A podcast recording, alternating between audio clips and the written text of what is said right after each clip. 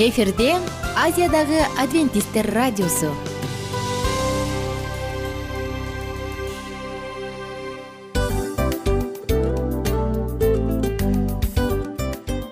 Достор салют.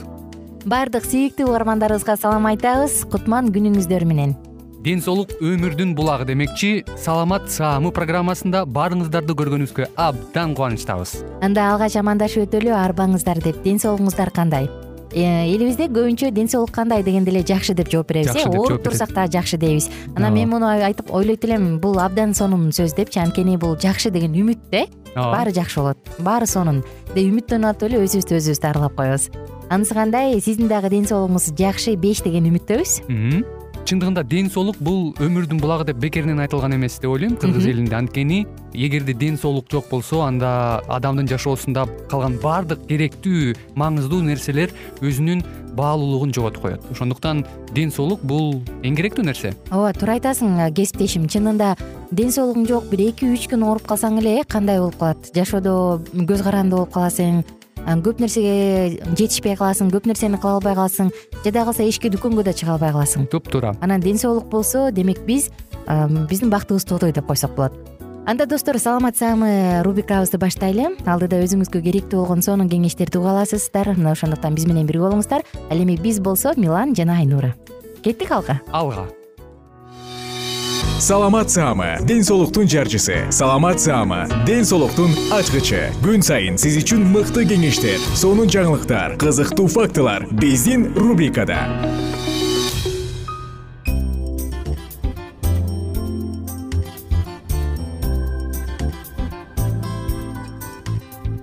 кутман күнүңүздөр менен достор жалпыңыздар менен саламдашып биз саламат саама рубрикасын баштадык. Жана биздин төрүбүздө конокторубуз бар. Дарыгер эпидемиолог казиев балгарт казиевич жана инфекционист дарыгер эжекебиз токтогожоева алтын мусаевна саламатсыздарбы саламатсыздарбы? Уктуруубузду эске сала кетсек биз ичеги карын инфекциялары жөнүндө сөз кылып атабыз мурунку уктуруубузда ичеги карын инфекцияларынын түрлөрүн эжекебиз санап берген жана алардын жалпы симптомдорун э кандай башталат мына ушул жөнүндө сөз кылганбыз. Анан акыркы суроом бул болчу. Стафилокок энеден балага сүт аркылуу өтүшү мүмкүнбү? Бул чынбы? Анан жок сенин сүтүңдө ушундай стафилокок палочкасы бар экен эмчектен чыгар деп коюшат го бул канчалык деңгээлде туура чындык негизи? Негизи биз акыркы жылдары ошондой участковый дарыгерлер өзүлөрүн ушундай эмчектен чыгаргыла дегенин укканда ошо айтып калабыз эмчектен чыгарбаш керек. Кээ ошо сүтүндө болот стафилококковый кээ кездеринде кожасында эле болот да.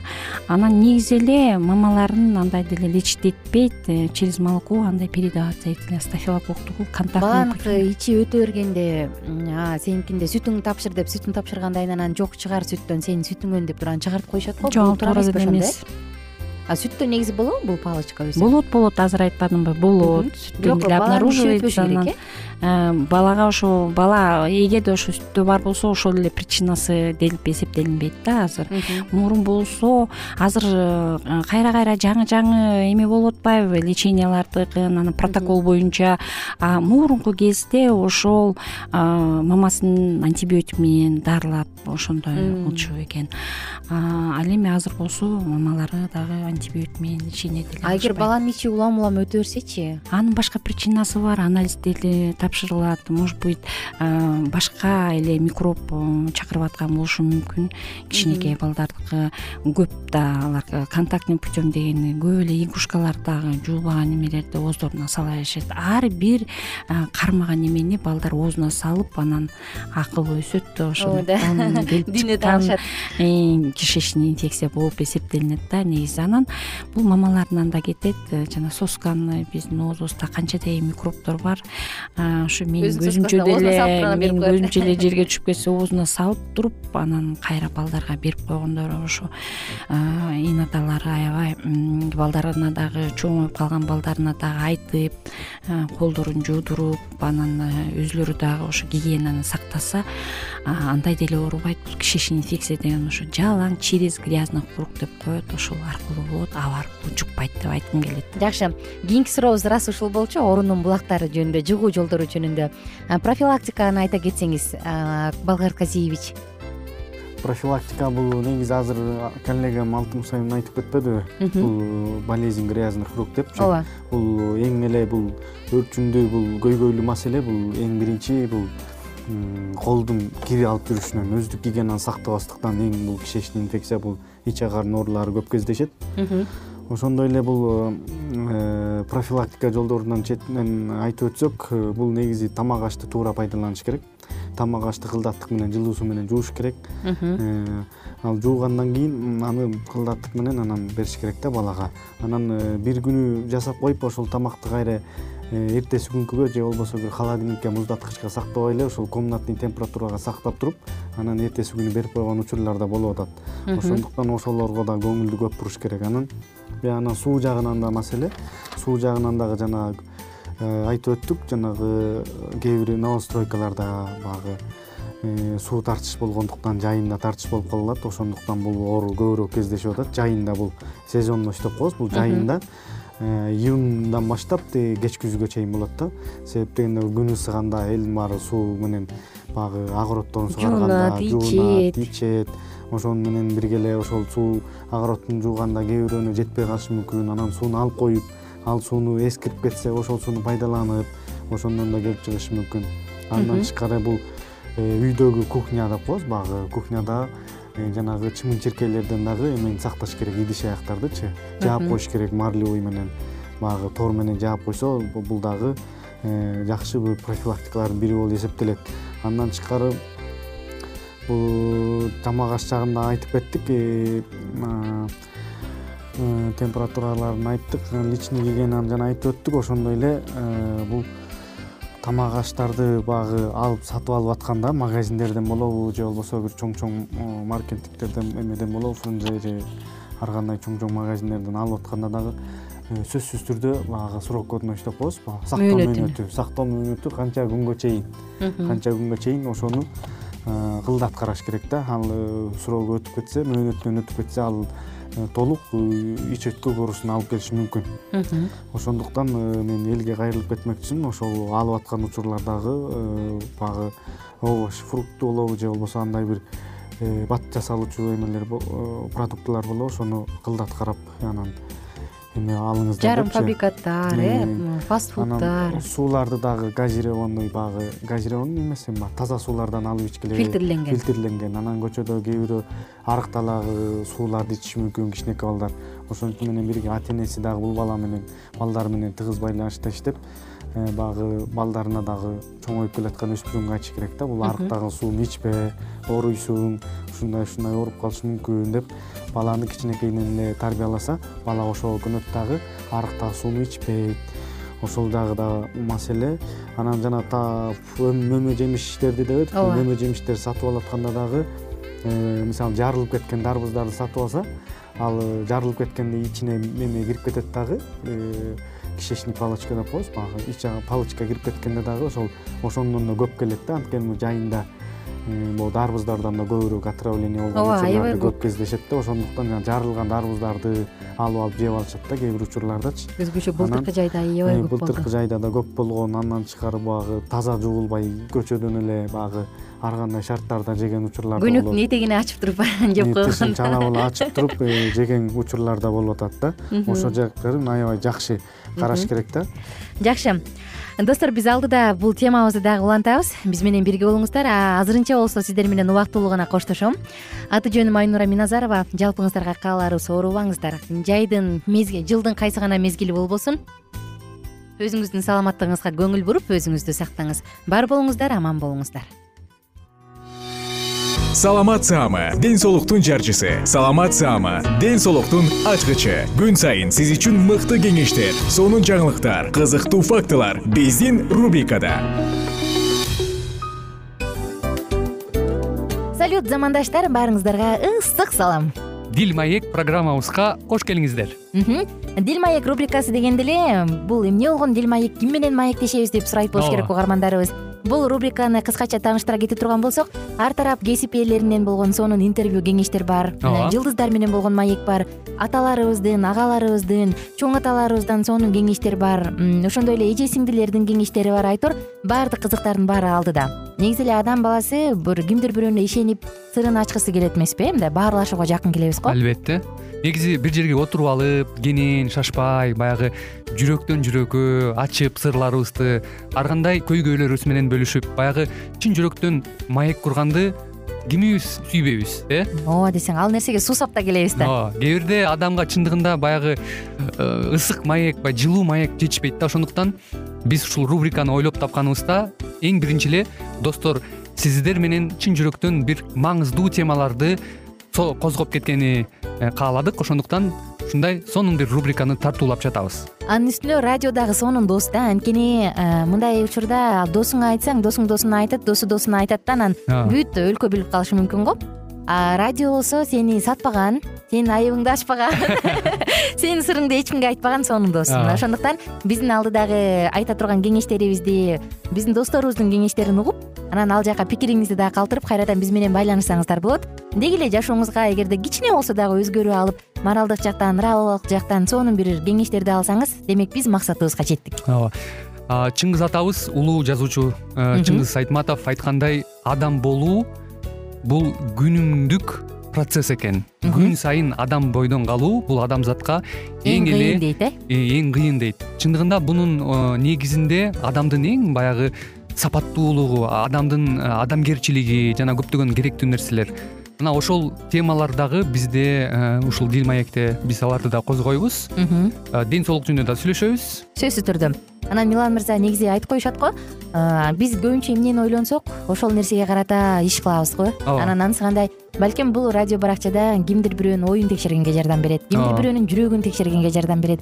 Балким кимдир бирөөгө жашоонун маңызын тапканга жардам берет айтор кызыктын баары алдыда бул жөн гана кыскача жарнама анда угармандарыбыздын баардыгын кийинки рубрикабызга чакырабыз. Ал эми кызматта маңдайымда отурган кесиптешим милан жана мен айнура. Анда эмесе биз даярдаган терең терең ойлор менен таанышууга кеттик. Алыс алыс баралык.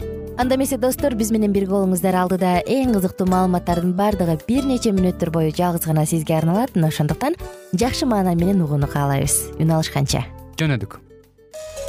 Ар түрдүү ардактуу кесип ээлеринен алтын сөздөр жүрөк ачышкан сыр чачышкан сонун маек дил маек рубрикасында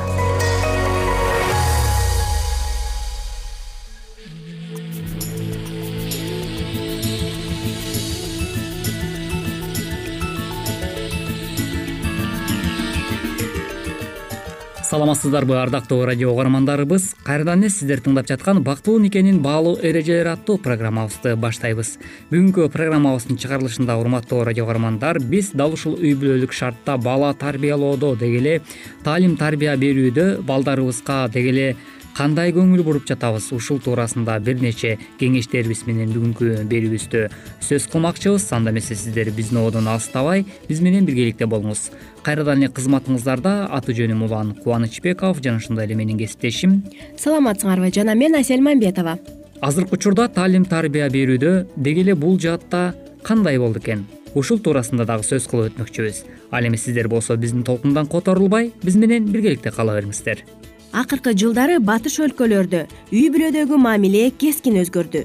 Бир убактарда балдар ата энесине баш ийип алардын тилин алчу азыр болсо кээ бир үй бүлөлөрдө тескерисинче болуп калгандай сезилет. Бүгүнкү күндө кадимки көрүнүшкө айланган жагдайлар чагылдырылган мисалдарга көңүл бурсаңар чындап эле урматтуу угармандарыбыз акыркы учурларда биздин коомчулукта деле ушундай көйгөйлөр барбы сиз кандай деп ойлойсуз? Сөзсүз түрдө анда эмесе биз алдыда дагы ушул туурасында бир нече окуялар менен бөлүшмөкчүбүз.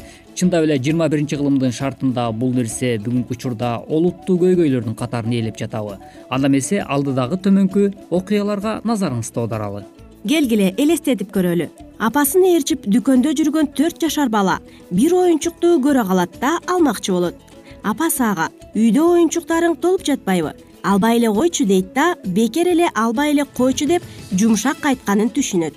Анткени баласы алам деп ыйлактай баштайт. Адатынча чыр салат деп корккон апасы оюнчукту сатып берет андан тышкары беш жаштагы кыз бирөө менен сүйлөшүп турган атасынын жанына барып тажап кеттим үйгө кетким келип жатат деп алардын сөзүн бөлөт. Атасы эңкейе калып жумшак үн менен алтыным кичине чыдай турчу макулбу деп айтат. Он эки жаштагы жанаттын ата энесине баласы мугалимине дагы кыйкырып салганын айтышат. Атасы болсо баласына эмес мугалимине нааразы болуп. Ал эмне эле сага асыла берет я директорго кирип арыздансамбы дейт. Булар тек гана мисал болгону менен жашоодо ушул сыяктуу нерселер көп учурайт. Бул мисалдарда ата энеси балдарынын оройлугуна көз жумган дайыма алардын ою менен боло берген жана аларды жаман жүрүм турумунун кесепетинен калкалай берген үй бүлөлөрдөгү чоң көйгөй чагылдырылган. Үй бүлөлөрдө бийликти баласына өткөрүп берип койгон ата энелер барган сайын көбөйүп баратат мындан бир нече жыл мурун эле балдар үйдө ким башчы экенин жакшы билчү. Алар эч качан чоңдорду башкарчу эмес. Албетте баласына жакшы үлгү көрсөткөн. Жана керектүү учурда аларды жумшактык менен оңдоп түзөп туура тарбия берүүгө умтулган ата энелер да көп. Бирок жогоруда сөз кылгандай андай ата энелерди коомдогу үстөмдүк кылган көз караштын нугуна каршы сүзүп баратат деп айтууга болот ал эми кымбаттуу ата энелер сиздерде болсо мындай деген ой жаралышы да ыктымал. Ушундай абалга жетип калганыбыздын себеби эмнеде сөзсүз түрдө бул нерсеге ар бириңиздер эле сара эсеп салып баам берип жатсаңыздар керек.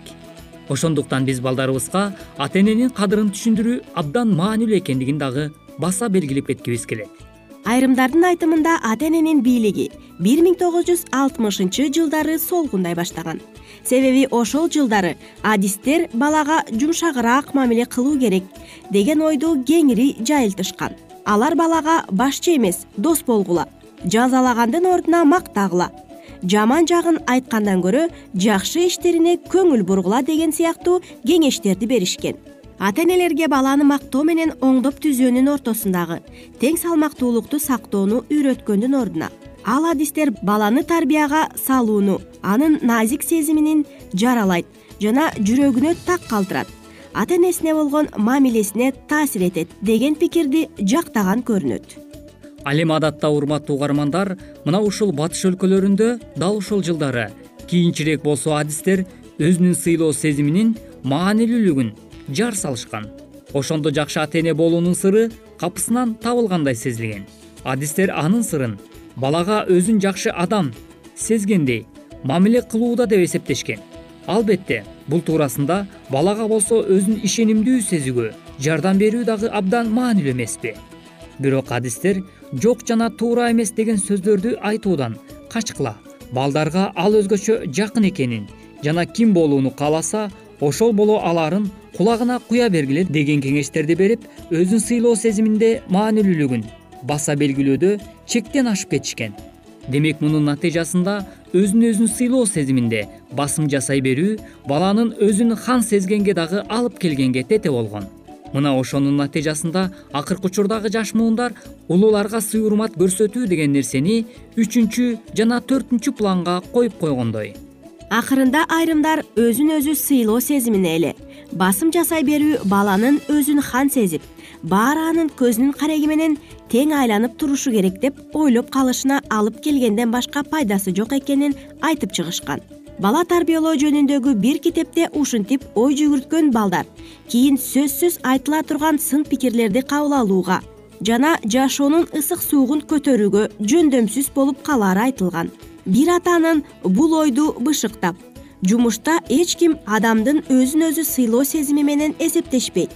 Мисалы отчетту жаман даярдап барсаң жетекчиң эч качан отчет жазган кагаздын түсүн жакшы тандаптырсың деп жакшы жагыңды байкаганга аракет кылбайт. Андыктан баланы ошентип тарбиялоо артык кылам деп тыртык кылууга барабар деп айтып келишкен кадырман радио угармандарыбыз ушуну менен бизге бөлүнгөн убактыбыз дагы өз соңуна келип жетип калды. Бүгүнкү уктуруубузда сиздер дал ушул э, үй бүлө жаатында деги эле биз балдарыбызды тарбиялоодо таалим тарбия берүү жаатында деги эле эмнелерге көңүл буруубуз зарыл?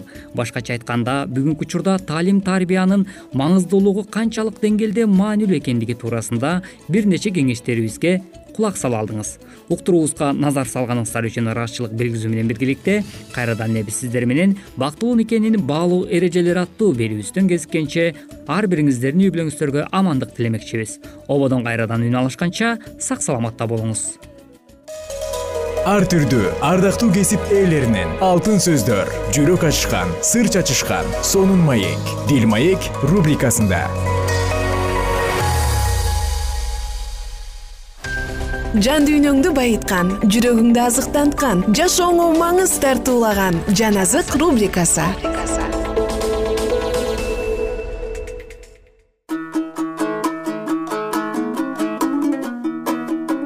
Саламатсыздарбы айымдар мырзалар жалпы биздин угармандарыбыз жана жыштыкты тыңдап жаткан ар бир тирүү жан сиздерге кудайдын ырайымы менен салам айтабыз дагы. Бүгүнкү жан азык уктуруусун баштайлы мурункудан бери окуп келе жаткан забур китебин окууну андан ары улантабыз. Биз менен бирге болуңуздар. Жүз төртүнчү забур. Жыйырма жетинчи аяттан тарта. Алар хам жеринде теңирдин сөзү боюнча жышаандарды жана кереметтерди көрсөтүштү.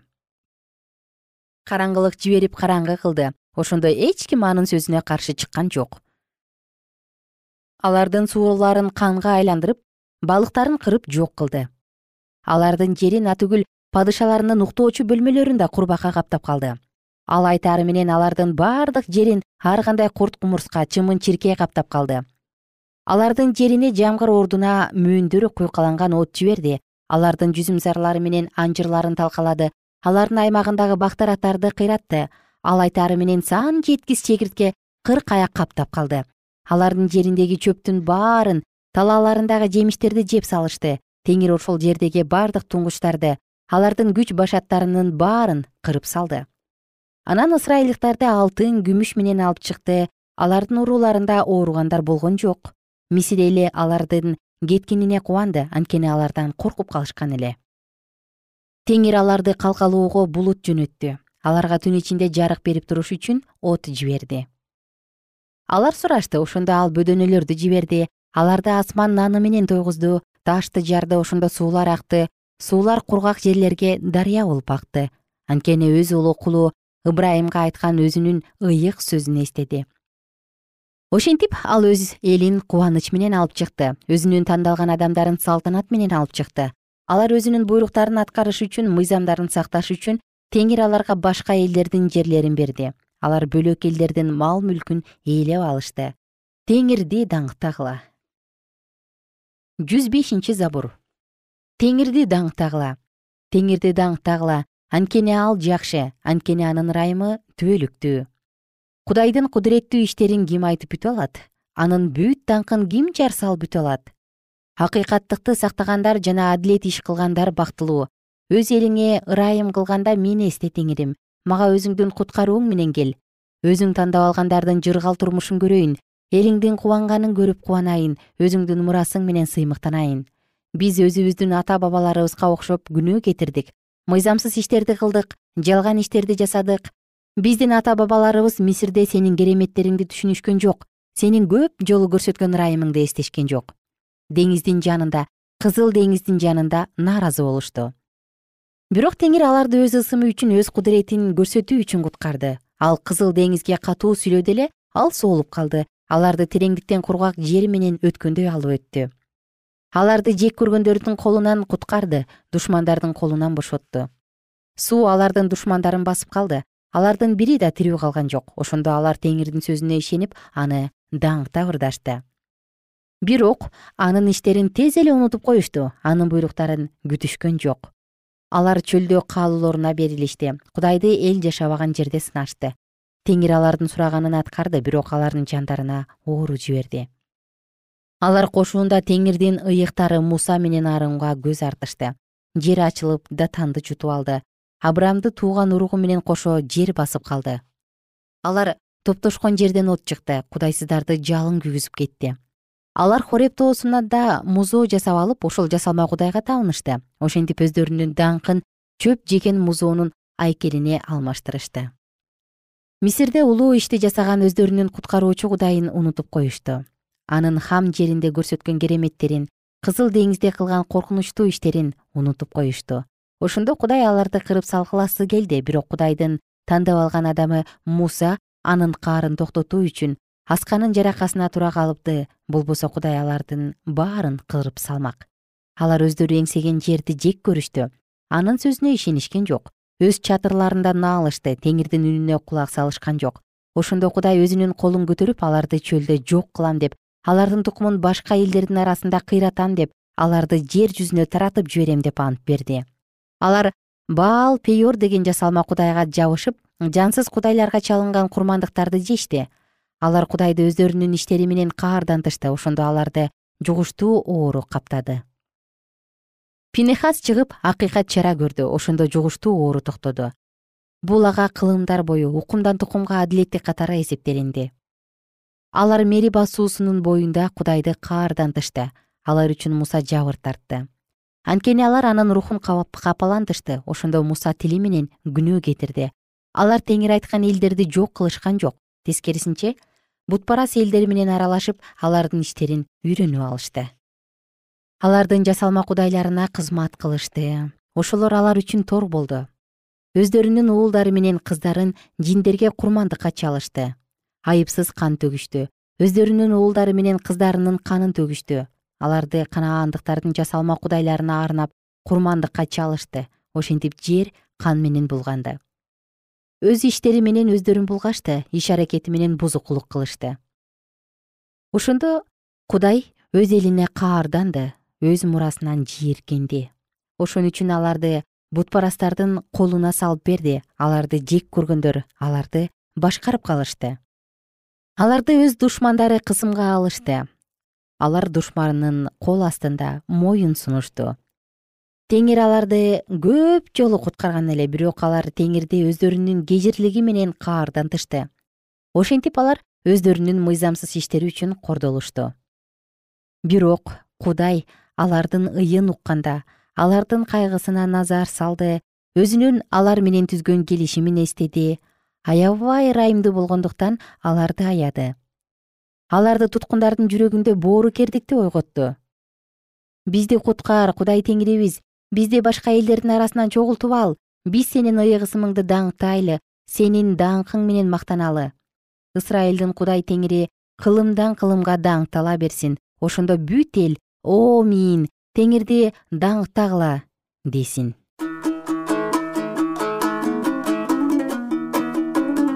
кымбаттуу угарманым сиздер менен бүгүн дагы забур китебинен бир нече баптарды окуп өттүк. Алдыда күнүңүз сонун маанайда улана берсин ал эми биз сиздер менен кийинки уктурууга чейин деп коштошобуз. Бар болуңуздар аман болуңуздар жана кайрадан амандашканча сак саламатта калыңыздар.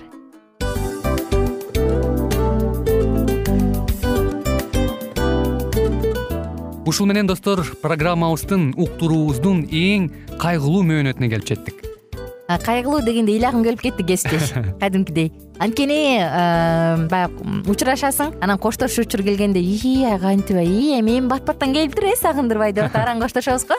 Анысы кандай угармандарыбыз менен коштошчу учур келди кийинки уктурууларды сагыныч менен жүрөгүбүздө кусалык менен күтөбүз жалпыңыздарды анан жарым сааттык уктуруу көз ачышым канча өтүп кетти. Сөзсүз бирок бизде жакшы кабар бар. Кийинки уктурууларыбызда сөзсүз дагы кезигишебиз. Анткени биз көптөгөн сюрприздерди кызыктуу маалыматтарды жана керектүү керектүү нерселердин көпүнчөсүн даярдадык. Андай угармандарыбыздын баардыгына ийгиликтүү күн каалайбыз эгерде бүгүнкү күнүңүз өзгөчө э, өтүшүн кааласаңыз анда позитивдүү ой жүгүртүп жылмайып жакындарыңызга жакшы маанай тартуулап жүрө бериңиз анткени сөзсүз түрдө мунун арты кайтат э? Сөзсүз. Баягы ден соолугуң оңолот ал бул деп көп нерсени санап келебиз. Эң негизгиси бул сиздин жашооңузду жаркын кыла түшөт экен жараткан кудай ар бирөөңүздөргө батасын берсин жашооңуз ийгиликтүү болсун сак саламатта калыңыздар деп мен милан жана кесиптешим айнура. Баардыгыңыздар менен кийинки уктурууда үн алышканча. Баарыңыздарга ийгилик каалайбыз